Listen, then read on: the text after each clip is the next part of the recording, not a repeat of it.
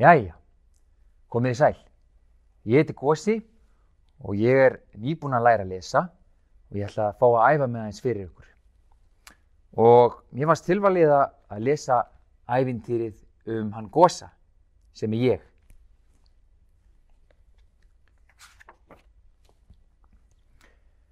Einu sinni í fyrndinni bjó í þorpi nokkru gamall og góðhjartaður leikbrúðu smiður, lákiða nafni. Hjá honum voru ekki aðrir í heimili en grár köttur og gullfiskur. Ég er eitthvað svo skelving einmanna, sagði Láki gamli einn rigningadag.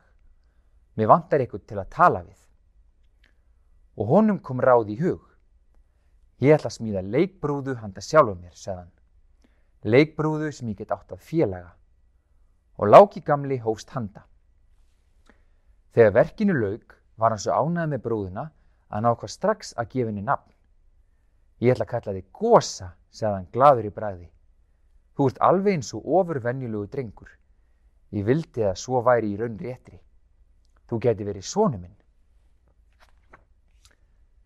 Bláa dísin sem fyrir um heiminn og uppfyllir óskir þeirra sem gleði aðra, hyrði orð gamla mannsins og kendi í brjóstið um hann í einverjunni.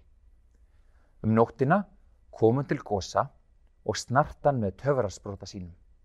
Vaknaðu gósi, sagði hún og gósi reys upp við dogg og deplaði augunum. Þú ert drengurinn hans láka gamla, sagði bláa dísin. Vert honum vætt og hlýðin, því að enginn elskaði eins og hann. Í sama byli sá dísin hvar dálitil engisbretta geðist upp úr kassa og þú engisbretta litla hjálpaðu gósa eins og þú getur. Vertunum ætíð innan handar og verndaðan þegar hættastæði er að. Vertu samviskans. Og í einni svipan var bláa dísin horfin. Þegar gamli leikbrúðismiðurinn vaknaði um morgunin var þann sem steini lostin af undrun því að gósi gatt nú hreift sig að sjálfdáðum. Lítill lifandi drengur, ég og þó eftir allt saman dálítinn són. Ég er hamingju samasti leikbrúðsmiður í heimi, rópaðan. Láki gamli kefti vænar vetraflíkur og gósa, auk þess nýjar námsbækur því að nú skildi gósi í skólan eins og aðri drengir. Gamli maðurinn eitti hverjum eiri til að, til að litla brúðudrengnum hans vegnaði sem best. En gósi var ekkit yfir sig hrifin í að ganga í skóla. Hann leit á það eins og hvern annan kjánaskap. En engisbrettan, litla, samviskan, sagði við hann, að þú ferði ekki skólan, verður þú sjálfur hreinasta kjánaprygg einan um aðra drengi. Það er auðvitað hverju orði sannara, sagði gósi. Ég ætla að læra fljótt og vel og svo fæ ég mig vinnu og verð duglugur að afla peninga fyrir pappa og svo hjælt hann að staði í skólan. Gósi hafði ekki farið langt þegar hann heyrði óm af gleði og glaumi.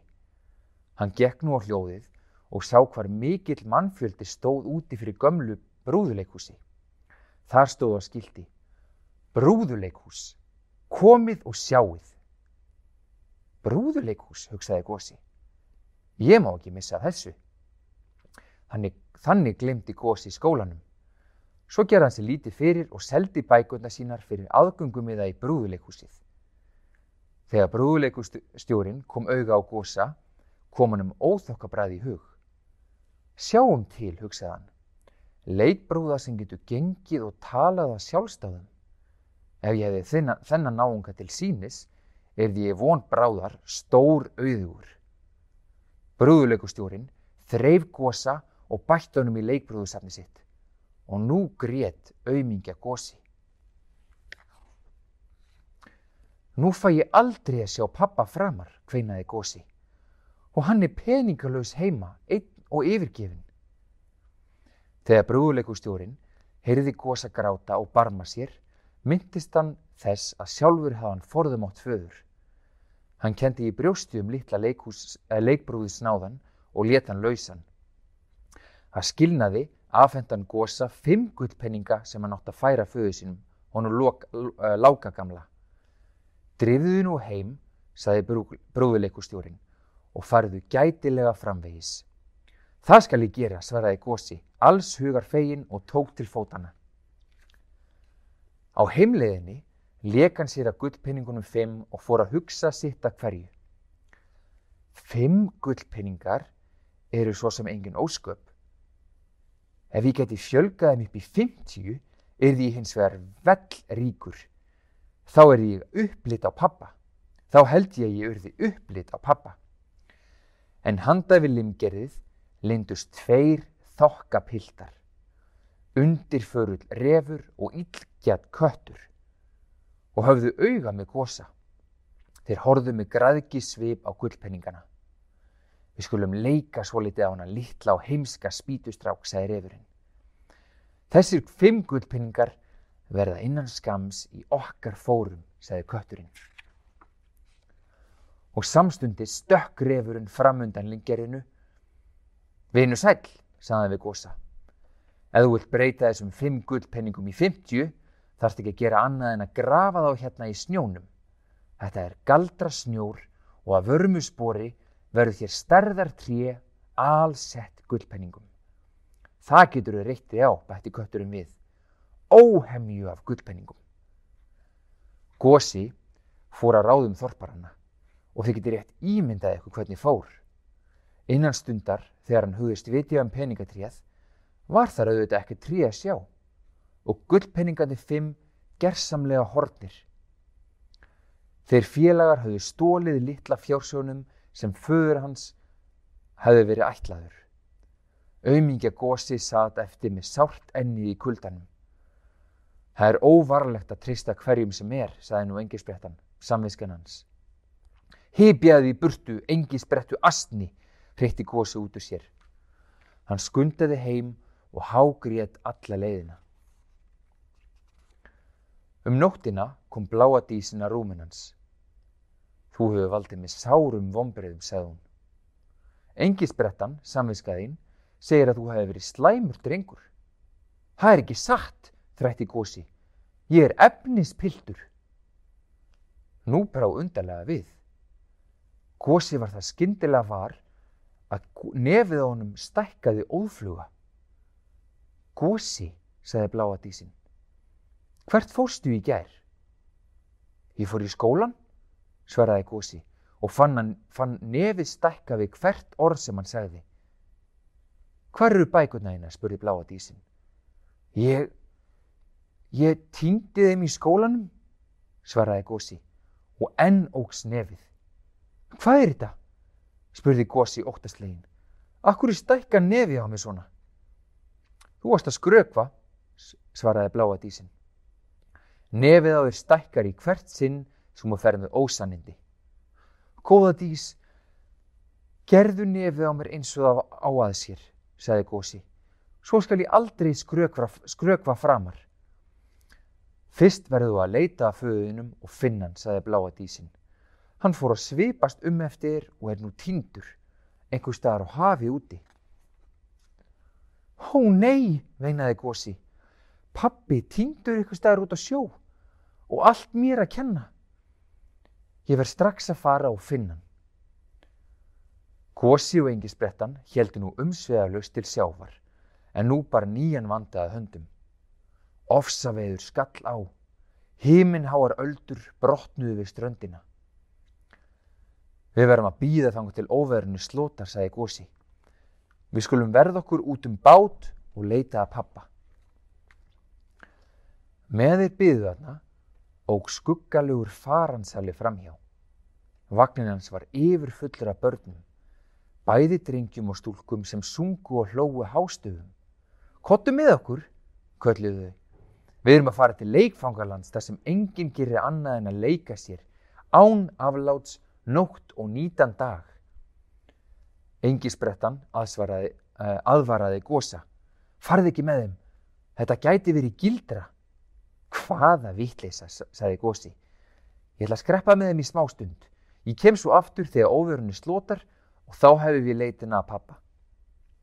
Gósi stökk upp á vagnin og faransalinn óg sem leið lág. Í leikfangalandi var mikið um dýrðir, leiki, söng og selgeti. Gósi skemmti sér konunglega átt eins og, og átt eins og, e, og átt eins og hann gat í sig látið. En svo fór hann að líða eitthvað sér enginnilega. Hann leiti í speil og sá að hann var komið lung og loðinn astna eiru. Hvað hefur komið fyrir mig? hrópaði hann skjelving og lostinn. Faransalinn hló illkvittnislega. Nú ertu búin að gæða þær og galdra kræsingunum mínum og þær eru sem óðast að breyta þær í astna, sagði hann. Svo færð þú að draga vagnir minn þar sem eftir er æfinar. Nei, nei, eftir gósi og flýðið sem fætur tóguðu. Á hlaupunum var það þess var að hann var komin með hala. Nei, nei, ég vil ekki verða astni, kjökraðan. Faransalinn eldi gósa allarleið til sjávar. Gósi, stöktu, kallaði engisbrettan, samviskans og hollveinur og gósi varpaði sér út í öldurótið. Jafn skjótt og ískallt vatnið umlugtan var hann laus við halan og asnæðirun og nú var, var ný voði á ferðum. Trollaukin kvalur bylti sér í hafinu framundan. Varaði þig, hrópaði engisbrettan. Það skipti nú engum tógum að kvalurinn opnaði heljastúrt genið og glifti litla leikbrúðudringin. Gósi kútveltist alla leið ofan í maga kvalsins. En hvernig hitt hann þar? Engan annað en, en föðu sinn, leikbrúðusmiðin hann láka gamla. Pappi, hrópaði hann, hér ertu þá. Ertu komin, elsku drengur minn, sagði láki gamli og faðmaðan að sér, frá sér numin af gleði. Hingað hafa hann rakist í fárviðrinu og hreyðrað um sig sem bestan gat. Við verðum að komast út hérna sem fyrst, sagði Gósi, og ég held að ég viti hvernig við förum að því. Hann kýtlaði kvalinn, svo liði innvortis, og kvalurinn hnerraði. Hann hnerraði svo óulega að láki gamli, Gósi og engisbrettan þeittust langt upp á land. Og loksins voru þeir heimkomnir heilu og höldnu. Hvað hefur komið fyrir nefða þau, spurði Láki gamli. Og Gósi sagði hann um alla sögu og hver óhlýðin hann hafi verið, jafn skjótt og hann hafi sagt allt af létta, komst nefið í samt lag. Hérni frá allt ég að, að alltaf að verða hlýðin og góður sonur, sagði Gósi. Og í þeim svifum byrtist bláa dísin. Þú hefur lært sitt af hverju og látið því það að kenningu verða, sagði hún, og þess vegna hef ég meðferðið sanda þér dýrmæta gjöf. Hún snart gósa með töfrasprutunum sínum eins og forðum. Líka með gósa var allt í hennu mjúkur viðkomu og hann fann fyrir hörundi sínu. Gósi var orðin eins og hver annar drengur með holdi og blóði. Pappi, hrópaði hann, ég er umverulegu drengur, mannleg vera. Láki, leikbróðsmiður, táraðist af gleði og þeir geti ímyndað ykkur að nú var kátt í kótunni hjá tveim feðgum, engisbrettinu góðu, gullfiskinum og kettinum. Og þar með líkur sagan um mig. Takk fyrir.